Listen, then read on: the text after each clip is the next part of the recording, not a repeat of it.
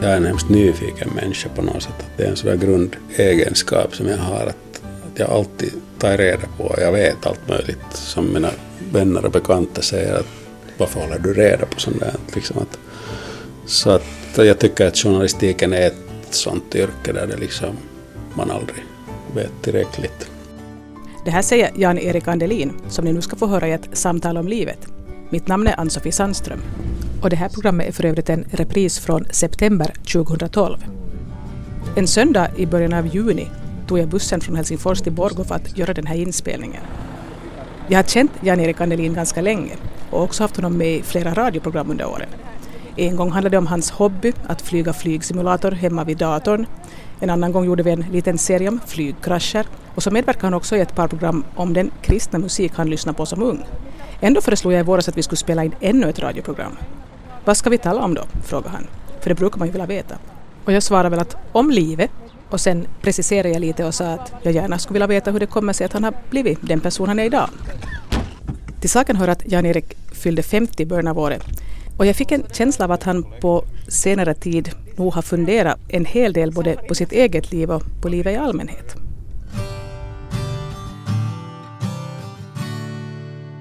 Ja, jag heter Jan-Erik Andelin och jag är nog journalist i grunden. Så jag Borgobo funderar mycket på när man kan säga att man hör hemma på en ort. Men jag har bott 25 år i Borgå och jag trivs mycket med att gå på stan och se ansikten som jag vet att också har gått där i 25 år som jag. Så jag är gift med Brita. Brita är lärare. Mitt enda barn fyller 18 år här om, om några månader. Och jag jobbar på många olika medier. Jag började med att jobba på en liten kyrklig tidning utan någon som helst lön när jag var abiturient. Jag hade faktiskt inte blivit student då ännu. Och sen jag utbildade mig till journalist och jobbade egentligen på alla former tror jag media. Med tidning och radio och tv. Riktig film i ordets rätta bemärkelse har jag inte gjort.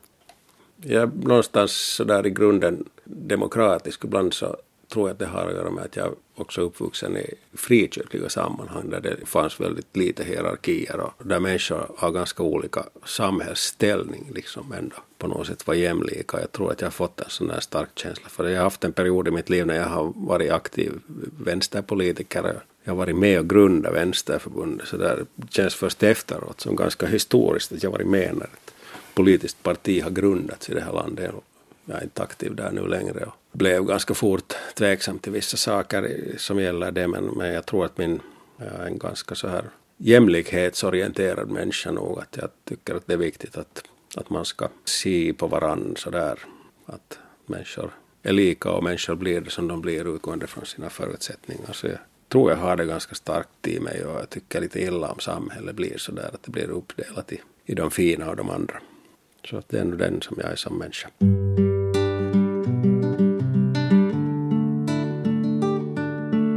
Jag är född i början av året. Dels var det nära att jag inte skulle ha överlevt överhuvudtaget när jag föddes, men sen när jag föddes så gick det in på det nya året. Så att jag född 1 januari 1962. Så jag förundras ju förstås alltid över att det skjuts så mycket raketer och grannarna firar så mycket när jag fyller år. Så att sånt. Jag är född i Helsingfors så, så jag nu bott största delen av mitt liv i södra Finland. Jag har bott i Borgå sedan 25 år. Tyckte att det var en förskräcklig ett hemskt ställe att bo i Borgå när jag flyttade hit med mina föräldrar. Och så när jag flyttade bort härifrån så tänkte jag då att hit kommer jag aldrig mer tillbaka. Men sitter jag här i alla fall. Fort kom du tillbaka dessutom? Ja, jag flyttade till Åbo och gjorde min civiltjänst och studerade lite där. Och så träffade jag Brita som jag är gift med. Och så sökte hon sina första lärarjobb och det fick hon då här i Borgå så att vips var vi här igen. Men du sa att du inte höll på att överleva, alltså vad var det? Var det faktiskt så dramatiskt att du skulle kunna Ja, ja, det var en lång och komplicerad förlossning. Och barn kan vara i fyra olika lägen och jag var då i det läget att man liksom tittar framåt redan då. Vad heter det? Pannbjudning tror jag att det heter. Ett, det här läget som barn kan födas i. Och så var det ju helg då, så det var väl så att det tvekades då om man skulle ta in liksom läkare. Och, och det var nog ganska kritiskt de första timmarna. Men sen, sen blev jag, påstås det, desto vildare som barn. Att jag hade väl nog någon slags lite sån här ADHD eller något något annat. Det fanns inte några sådana kombinationer på den tiden, men jag var ganska vild nog. Fick du den som liten veta om att det här var så där dramatiskt att du inte hade tänkt överleva, eller fick du veta det först som vuxen? Nej, jag har nog fått veta det sådär som ett snack vid födelsedagskaffe nästan varje år. hur besvärligt det var. Vad, vad tänkte du när du hörde som liten då? Nå, inte vet jag. Det var, var väl lite sån här stolthet kring det att det liksom blev något i alla fall. Var du första barn alltså? Jag var första barnet och jag har en syster sen som är, som är tre år yngre. Förutom att du var vild som barn, hurdan var du annars? No, min pappa var ingenjör och han var nog ganska, eller är ingenjör fortfarande och han har fortfarande samma beteende att han är ute på exkursioner och kollar in olika tekniska anläggningar. Och vi bodde då i Tammerfors, när, så när mina första minnen, så där, jag var ganska liten, så flyttade vi till Tammerfors för att min pappa började jobba på Tampella som byggde pappersmaskiner. Och Tammerfors var ju överhuvudtaget en sån här industristad. Och jag tror att det också har på något sätt liksom färga det som jag har blivit för att jag, jag har levat under den här tiden när Finland har blivit ett sånt här industriland. Och, och det var mycket så här att vi jag var ofta ute med min pappa och han var ganska angelägen om att överföra liksom det här att man skulle förstå sig på teknik. Och ibland kommer jag ihåg att jag tyckte att det var lite skrämmande till och med att vara inne i stora pappersfabrikssalar och sånt här. Så ånglok var jag rädd för. Det hade jag också. Sån där att vi skulle titta på tåg och då hade jag ofta en sån där att, ja, att vi far nog men bara det inte kommer ett ånglok för jag tyckte jag var rädd för det. Men ni flyttade omkring, liksom, ni bodde inte på ett och samma ställe så hemskt länge när du, när du växte upp? Nej, vi, jag tror att mina föräldrar hade lite sådana bostadsambitioner som bytte nog upp sig ganska mycket sådär att man flyttade till lite större så att jag började, började skolan i Mattby i Esbo och sen gick jag två klasser i Vanda och sen gick jag mellanskolan i, i Botby och gymnasiet i Brändö. Och under den där tiden så flyttade vi nu runt en del.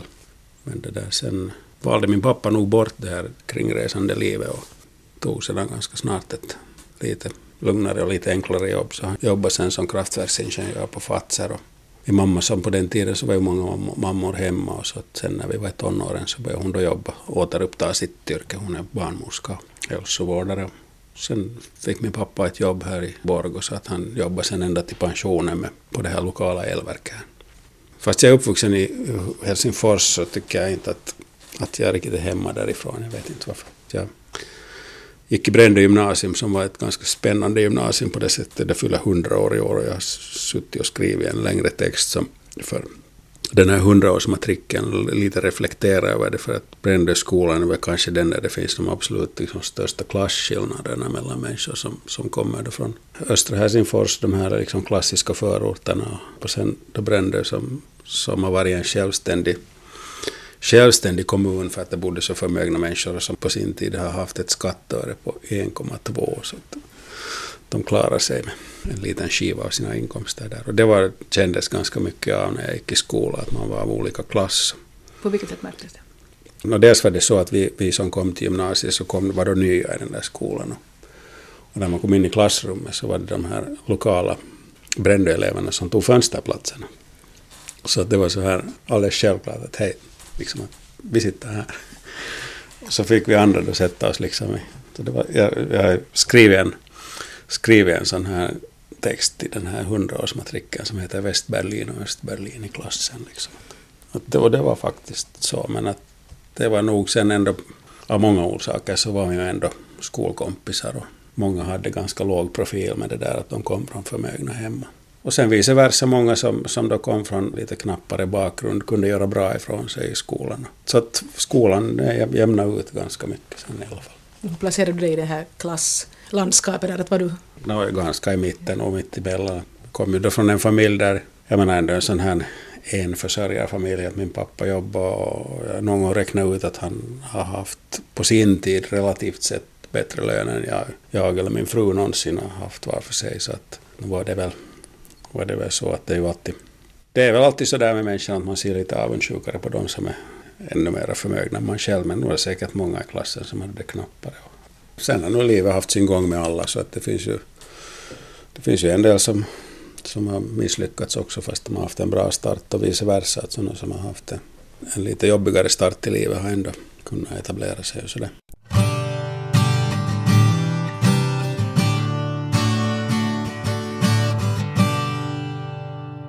Jag frågade hurdan Jan-Erik Andelin var när han gick i skolan. När jag var i folkskolan så var jag, nog ofta liksom bäst i klassen. Och jag, jag måste väl nog så här lite skämmas när jag medger att jag hade nog väldigt svårt sen att komma till en skola där det fanns andra som var ännu bättre. Så att Det var inte sådär men hur ni vänjer dig vet det skulle vara sådär? Jag hade liksom hunnit vänja mig. Jag var först i alfabetet. Först, först på året så var jag alltid först i alfabetet för att jag hette Andelin. Och sen ju, mer, ju längre ut i livet man kom så desto mer man trillade ner i listan. Att det finns alltid någon annan som, som ändå är bättre och skickligare. Jag minns nog att jag var lite jobbig med mig själv och, andra i skolan just av den här orsaken. Att det inte var så lätt att ta det där att man inte längre var duktigast och bäst. Varifrån kom de här förväntningarna eller kraven på att vara bäst? Jag vet inte, jag funderar på det själv nu när jag har en son som ska skriva studenten i nästa år och som sköter sin skola helt på något sätt på egen hand. Och man skulle säga att jag... Nu fanns det väl sådär att det kom en not från föräldrarna att nu får du skärpa dig liksom om det börjar gå under åtta. Så att nu var det väl sådär att mina föräldrar hade förväntningar på det. Att jag, kanske framförallt från, från min mammas sida. Min, min mammas och min mormors morfars situation var den att min morfar dog strax efter kriget. Han hade någon lungsjukdom. Så att, så att min mamma är uppvuxen då i Borgå skärgård under knappa förhållanden och sådär. Där man jobbar väldigt hårt för att barnen skulle få gå i skola. Och min mormor som var ensamförsörjare då hela sitt liv så dona på faktiskt med det där som mål. Att barnen ska få gå i skola och få, få möjligheten. Det har kanske lite fortplanta sig det där sen att man ska ta vara på de möjligheterna. Jag frågade Jan-Erik ifall det också fanns förväntningar på vad han skulle göra. Min, min pappa kommer från en riktig, riktig ingenjörssläkt så att så min farfar han var faktiskt dynamitingenjör så att han jobbade vid flera krut och dynamitfabriker och konstruerade maskiner som hur man packar dynamit. Jag hittade nyligen på internet ett amerikanskt patent som man hade kommit underfund med hur man ska packa dynamit för det får ju inte liksom spracka och gnistra något hemskt mycket där så flyger personalen ut genom fönstret. Så att man var nog ingenjör. Och kommer nu ihåg en gång när vi, när vi skulle välja, jag minns inte när det nu var, typ så där i mellanskolan som man lite skulle börja välja.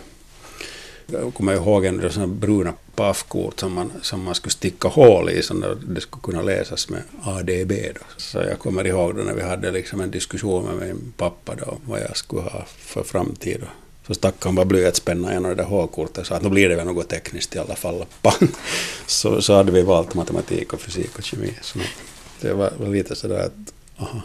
No, hade du redan i det skedet själv några andra funderingar på vad du skulle vilja bli då? Jag kommer ihåg att precis vid den samma tiden, och i samma rummet som jag kommer ihåg att detta hände, som var mitt rum i Nordsjö, så hade jag nog en massa projekt. Jag hade, jag hade en skrivmaskin och jag hade också köpt sådana stämpelbokstäver som man kunde rada en hel sån där vad ska man nu kalla det, en sån där ställning full med gummibokstäver, så kunde man då trycka samma text. Så jag gjorde någon slags, någon slags enkla tidningar på den tiden, antingen med skrivmaskin eller sen med det här stämpelverket. Bara åt dig själv eller åt Nå jo, nu var det väl närmast för mig själv att jag inte hade riktigt kommit på hur den massproduktionen skulle se ut. Hade du fått egen skrivmaskin i det skedet också? Ja, jag hade, jag hade vunnit en frågesport som jag, så vi fick på den tiden, jag menar 600 mark på den tiden var ganska stora pengar. Och så, så köpte jag då en skrivmaskin och en bandspelare. Så att, nu tycker jag någonstans vid ganska tidigt skede, har varit lagd för det med media, men ända upp i gymnasiet så gick jag och funderade att jag skulle bli lantmäteriingenjör. Att jag hade liksom inte så där stora sympatier för det där med teknik och fysik och, och sådana här beräkningar och sånt. Men jag tyckte att man får vara lite ute i friska luften med, kartor och grejer. Så jag hade en liten här känsla för natur och sådär. Så ända upp i gymnasiet så hade jag nog en sån här tankegång om att jag skulle bli lantmäteriingenjör faktiskt. Men sen var det nog några uppsatser i skolan så där, tack vare min, min modersmålslärare som nu är en stor humanist och sådär, Maj-Britt Grönholm, som, så fick jag nu en sån där känsla för att jag är ganska bra på att skriva. Jag skrev faktiskt fulla poäng i studentexamensuppsatsen. Men det var nog lite politik med i spelet för det är ett fruktansvärt språkfel mitt i som min modersmålslärare hade förklarat bort åt studentexamensnämnden att, att han vet nog hur det ska vara men det råkar nu bli så här. Jag skrev om musik och då skrev jag att den skivan som, och det, det är ett klart språkfel, det ska heta den skiva som. Men jag fick nu fulla poäng och och så sökte jag in och började studera till journalist sen. Och tyckte du att du hade kommit på rätt plats när du kom till SOS.com då och skulle börja studera journalistik? Ja, ja det kändes nog bra att, att jag, jag har nog efteråt tror jag på något sätt fattat att jag är en hemskt nyfiken människa på något sätt. Att det är en sån grundegenskap som jag har att, att jag alltid tar reda på, jag vet allt möjligt som mina vänner och bekanta säger att varför håller du reda på sånt där? Liksom att, så att jag tycker att journalistiken är ett ett sånt yrke där det liksom man aldrig vet tillräckligt. Sen 2010 jobbar Jan-Erik Andelin som ledarskribent och reporter. Men han har också jobbat med en hel del annat. Och jag minns att när jag lärde känna honom så jobbade han med TV när jag gick i Sossokom så fanns det liksom en sån här karriärshierarki att först skriver man i dagstidningar och sen skriver man i tidskrifter. Sen blir man så bra att man jobbar på radio. Sen, sen man jobbar tillräckligt länge på radio så får man göra TV och sen gör man film. var det så? Jag som aldrig varit på Sossokom ja, har det, det Min generation har liksom ah, ja. levt med den här liksom hierarkin. Uttalade eller var det bara som man liksom... Nej, nu var det ju så att TV var liksom det finaste man kunde komma till då när jag började. Men jag tycker faktiskt så här att jag har lärt mig skriva ordentligt genom att göra TV.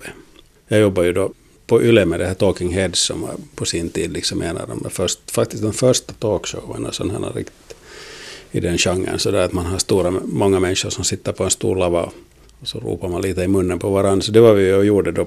Och ur det så, så blev vi sen då den första arbetsgruppen som bolagiserades ut och bildade ett eget sånt här produktionsbolag. Och, och det där. Vi gjorde ganska mycket dokumentärer och så här och persondokumentärer och det där berättande, hur man berättar, så har jag lärt mig nog genom det.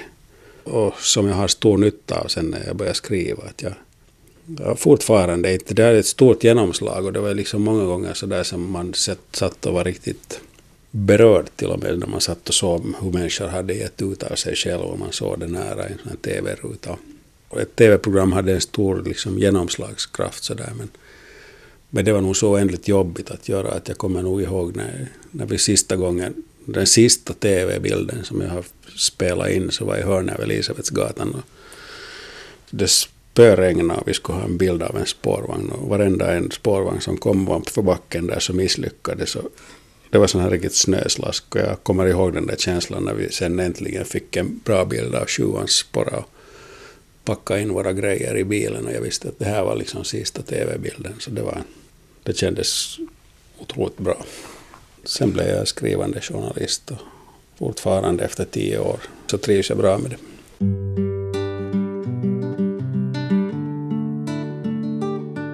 Jag, jag faktiskt nu så kring 50-årsåldern så jag har lite sån skamperiod.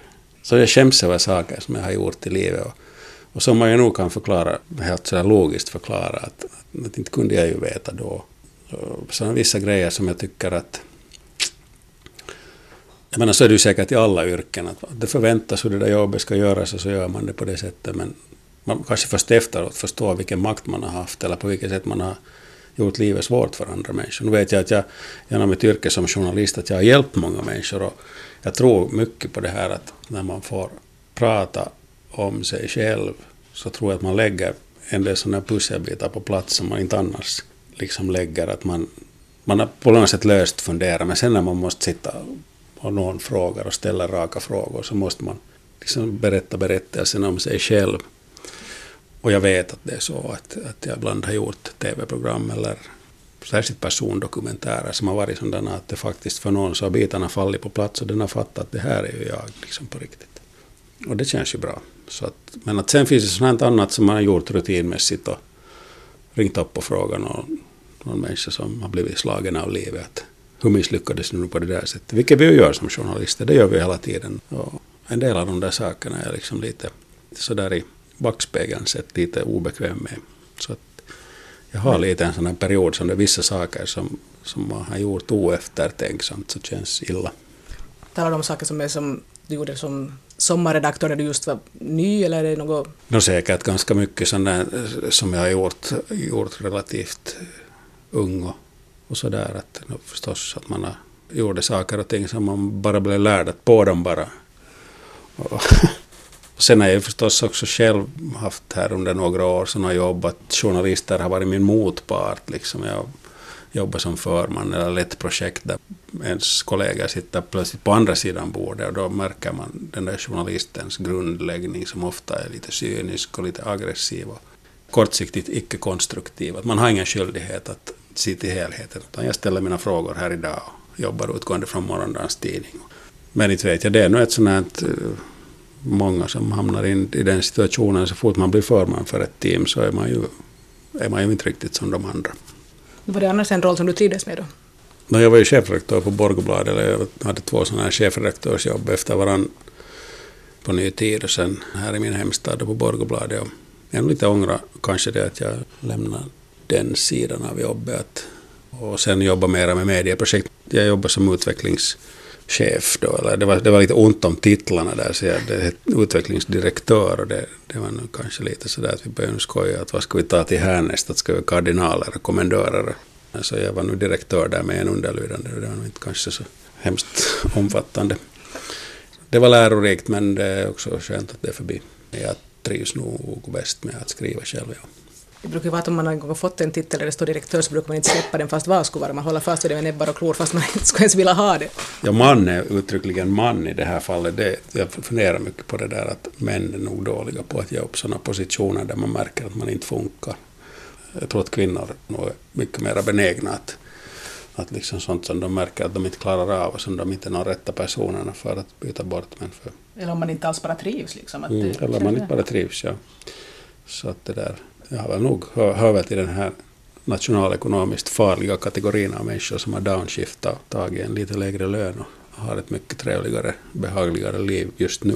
Men man får ju inte göra sånt. Du skulle liksom ge på för fullt och betala mm. mycket skatt. Och, så du just klarar dig till pension och sen knoppar av. No, det är ju så ju att, att det är så som trenden är här i samhället och som för till liksom ganska ganska stor sån här existentiell fråga, eller vad ska vi säga, sån här evighetsfråga, eller vem man är som människa. Som till exempel kommer upp nu i den här dödshjälpsdebatten, liksom att, att många människor vill undvika den där tiden som man har sen när man ska fundera på att vad livet egentligen gick ut på. När man, man vill liksom jobba och jobba och jobba, och sen vill man dö ganska enkelt.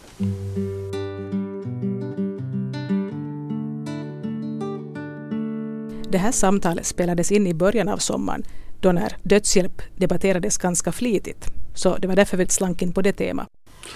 Det är ju mycket så där när man jobbar så många av oss liksom tycker att det här måste bara göras. Och ofta är det ju så här att man, man jobbar på och vet att det är inte klokt och det är kanske inte riktigt nödvändigt allt som jag håller på att producera och så där men att, att man nog väldigt lite har den där, tar sig den tiden att, att fundera på vad man skulle kunna göra istället och så funderar man vad händer med mitt bostadslån och vad händer liksom med min pension och vad händer med ditt och datt och så lever man det där livet och kanske ångrar sig efteråt.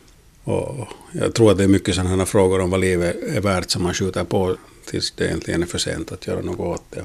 Och det är kanske lite oroar en också att, att förlänga de här arbetskarriärerna, att man ska jobba tills man stupar som det nästan ser ut. Så. Och att man inte har en pensionstid där man sen då på något sätt får liksom ordna upp en massa andra saker som man inte har hunnit göra medan man har jobbat och levt. Så, som kanske känns lite oroväckande. Och där man nu helt enkelt tror jag bara måste våga vara trotsig och välja bort saker. Att jag, där tycker jag nog att jag gör det redan i andra generation. För att min pappa gjorde nog det också. Han har sagt det själv. Och jag uppskattar och beundrar honom nog mycket för det. Att till och med en sån där tid när karlarna skulle stå för, för liksom inkomsten och tryggheten och ekonomiska tryggheten så vet jag att han ju valde ett ett jobb som, som han visste att han då själv skulle orka med och, och som också skulle ge honom tid för familjen. Det tycker jag att jag och kanske också gör. Är det sånt som ni har pratat om eller sånt som du bara vet att han har gjort? Nej, inte pratat om så hemskt mycket kanske, men jag vet ju att han har... Nej, nej inte på det sättet att vi skulle prata hemskt mycket om det, att man borde välja sådana saker i livet, men jag vet bara att han har gjort så. Och att han själv kanske ångrar, ångrar att han inte... Man borde ha talat mera med dem som nu är döda, man borde ha frågat dem och, jag menar många sådana saker som bara är intressanta att veta men också sådana saker som liksom gäller, gäller livet. Att man ska tala om det i tid och ta i tid för att fundera på det. Att jag tycker nog den här diskussionen som liksom kommer fram med den här dödshjälpsgrejen så att man liksom vill avsluta sitt kapitel liksom utan större överraskningar för sig själv. Jag tycker det finns ett sådant element också. Att jag tror att det inte handlar så mycket om att man är rädd för att man ska ha en plågsam död, utan att man är rädd för de här omställningarna som liksom kommer sen när inte livet är att bara gå på, resa och köpa. Eller kan det vara att folk är livrädda för hur de kommer att tas om hand, att det, de ser med fasa på hur åldringar sköts idag? No, det är naturligtvis det också, att och det är ju lite skrämmande med den, med den här diskussionen att man tycker att det är en logisk följd av att när vi för det första en gång har haft en sån här åldersbomb och när vi för det andra har varit tvungna att köra ner på vår åldringsvård så sen ser det ut som en logisk följd att man borde göra det enklare för folk att lämna det här livet. Och, det är en sån här obehaglig kedja som jag tycker att... Följande steg är väl att det inte längre är att man får välja själv utan att någon väljer att nej, nu ska du bort. No, jo, det blir ju liksom ett sånt där socialt tryck tror jag också. Om, att tänk på dina barnbarn. Ja, tänk på dina barnbarn och att det blir en hederssak liksom att, att gå bort. Och det tror jag inte att det är rätt. Nej, det känns alldeles hemskt tycker jag. Mm. Så att... Jag har fört den diskussionen också med många sådana som har någon, någon bekanta på demensavdelningen som jag själv tänkte. Jag var dålig på, min, min, min mormor låg i många år och, och var dement här bara på ett åldringscenter, så var åkern här, liksom några hundra meter ifrån. Och nu kom det ju liksom tyvärr långt ner på listan andra saker som man borde göra och så vidare. Och att man inte hälsar på henne så ofta. Och man diskuterar med människor att vad är det för vits att gå hem och hälsa på dementa åldringar, att inte vet de, inte kommer de ihåg att man var där, och, säger man. Sen när jag gick dit, men faktiskt så där att mina, mina föräldrar sa att nu ska du gå dit, att det är inte så mycket kvar. Min mormor levde tills hon var 96 år gammal. Många, många år som, som om man säger det kort, bara hjärtat slog och hon var inte så hemskt mycket närvarande här.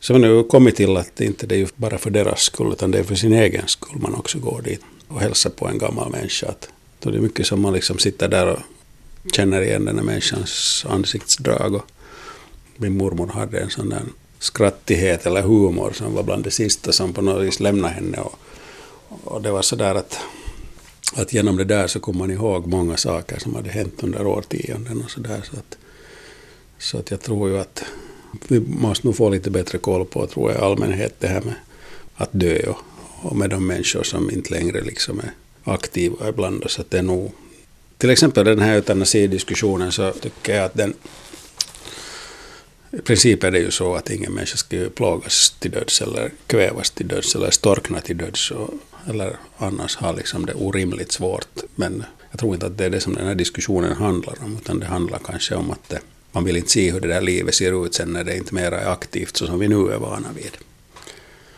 Jag tycker ju själv att jag, det är fel att säga att jag ser fram emot den tiden, men jag liksom tror, jag är nyfiken på den också. Det är liksom att vad, vad ska man lära sig sen när man inte mera reser och surfar på datorn och skriver på Facebook hela tiden och har ett sådant förfärligt aktivt liv så, så jag är lite nyfiken på hur det blir sen. Det kan ju hända att många som hör mig säga det här tycker att nu vet han inte riktigt vad han pratar om men jag talar nu som jag har förstånd till.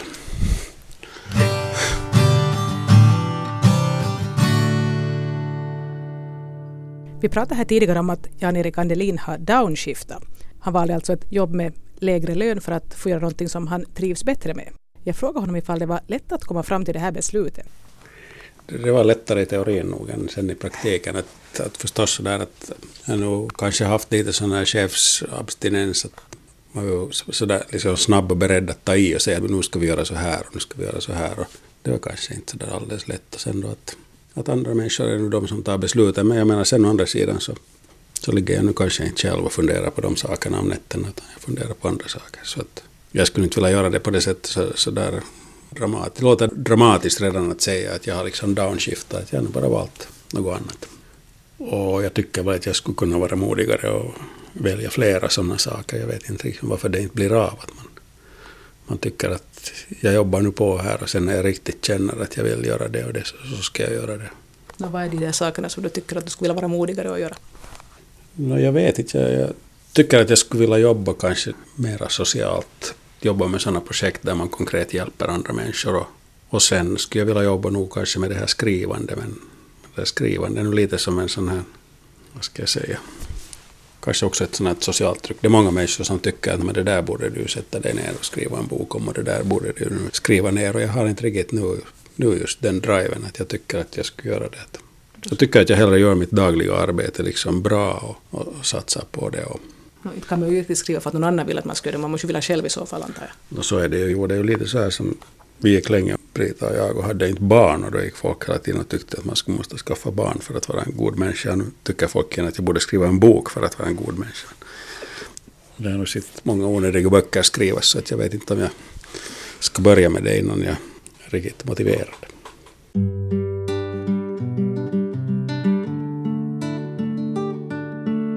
Du växte upp inom pingströrelsen. Ja. På vilket sätt har det liksom format ditt liv att du haft en sån gemenskap från början? Jag funderar på det faktiskt ganska mycket. Att vad, är liksom, vad hade blivit under strecket av den erfarenheten som jag har haft? Och konstigt nog, det är liksom två ganska olika saker. Så här. Att det ena, det låter hemskt tråkigt, men det är liksom trygghet på ett sätt. Och sen å andra sidan så är det trots ett sånt här, att man vågar vara annorlunda. För att jag liksom är liksom uppvuxen med att nästan ett sånt här sekteristiskt, eller när jag växte upp så var frikyrkorna ganska sekteristiska. Att det var liksom vi här inne och så var det de där utanför som, som det höll på att gå på tok för. Och det här är nu kanske inte mera någonstans en så stark liksom, förståelse av hur det, hur det ser ut. Men att, att jag, jag är ganska erfaren på det där att liksom vara annorlunda. För att när jag växte upp så, så var det liksom många saker som jag inte deltog i som mina klasskompisar gjorde. Och jag deltog väldigt lite i fester och så här. Och, och sen en sån här liksom uppfattning om att, att jag då hade någonting som mina flesta av mina kompisar inte hade. Jag ser inte på det på det sättet mera, men det har gjort det liksom lättare att våga ha en annan åsikt i olika frågor. Och och som jag tycker att det fortfarande är liksom ibland sådär när man, när man ska gå emot strömmen, som jag, när man då ska skriva ledare som jag då ofta gör, och våga ta ett helt annat perspektiv på något, så är det liksom nog sådär att det känns i magabotten att det är inte en lätt grej för mig att säga att borde vi se på den här saken från något helt annat håll. Att jag känner kanske mera efter under årens lopp mera av det där att det här kommer folk inte att tycka om och det här kommer jag att vara tvungen att försvara. Men du skriver det ändå? Ja, jag skriver det ändå. Jo. Att, så det där är kanske något som man också har lärt sig att, att, att man har varit van att vara annorlunda och på det sättet kanske vågar ifrågasätta saker. Numera är Jan-Erik Andelin aktiv i Metodistkyrkan. Det är nog ganska mycket med där. Fast det nog också är så här att jag många gånger har tvekat kan sådana små organisationer åstadkomma förändring i samhället och så där. Så tror jag nog på det just nu. Men du valde själv Metodistkyrkan i något skede efter att ni hade gått ut ur pingst. Varför, varför valde du just Metodistkyrkan? Metodistkyrkan var aktiv i Åbo och hade ett bra studentarbete då när jag, studerade. jag gjorde civiltjänst och studerade där. På det sättet blev det nog att jag gick med där. Sen har jag nu kommit underfund med att det är nu den lära som ligger mig närmast. Inte vet jag om jag står för den i vått och torrt, men när min livssyn så passar den nog ganska bra ihop med ett förnuftigt sätt att se på världen och kanske också så här tro gott om människor, tror att människan är god i grunden och, och så vidare.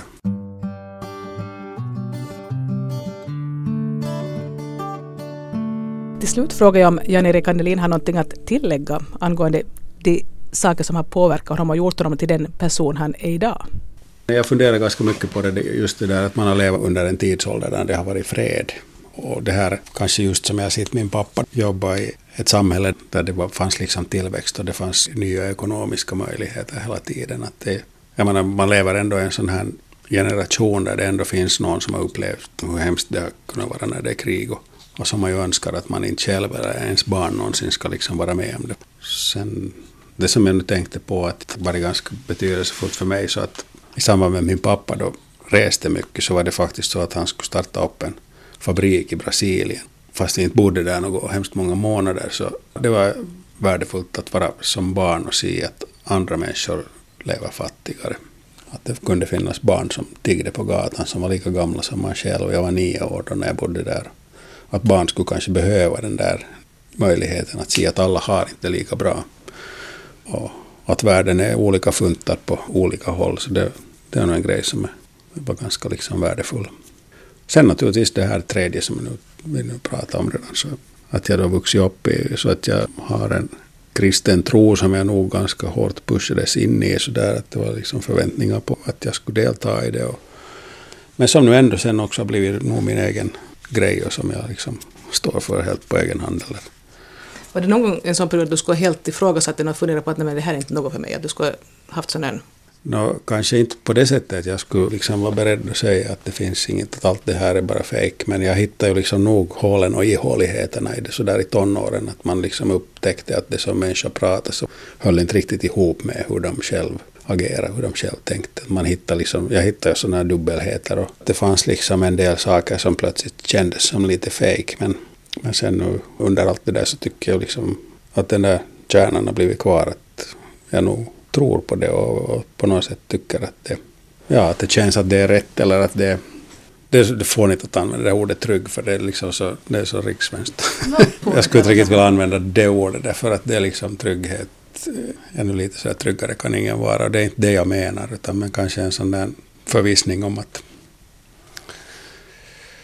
att det nog blir bra med mig till slut också. Liksom sådär, eller hur ska jag säga? Att man, och det är ju lite kanske en sån där miss att samhället också har rationaliserat bort sådana här ord som ändå jag säger ganska mycket som jag menar man talar om nåd eller man talar om förtröstan eller något sånt där. Så vi har liksom rationaliserat bort dem och vi har inte hittat något häftigare bra ord istället.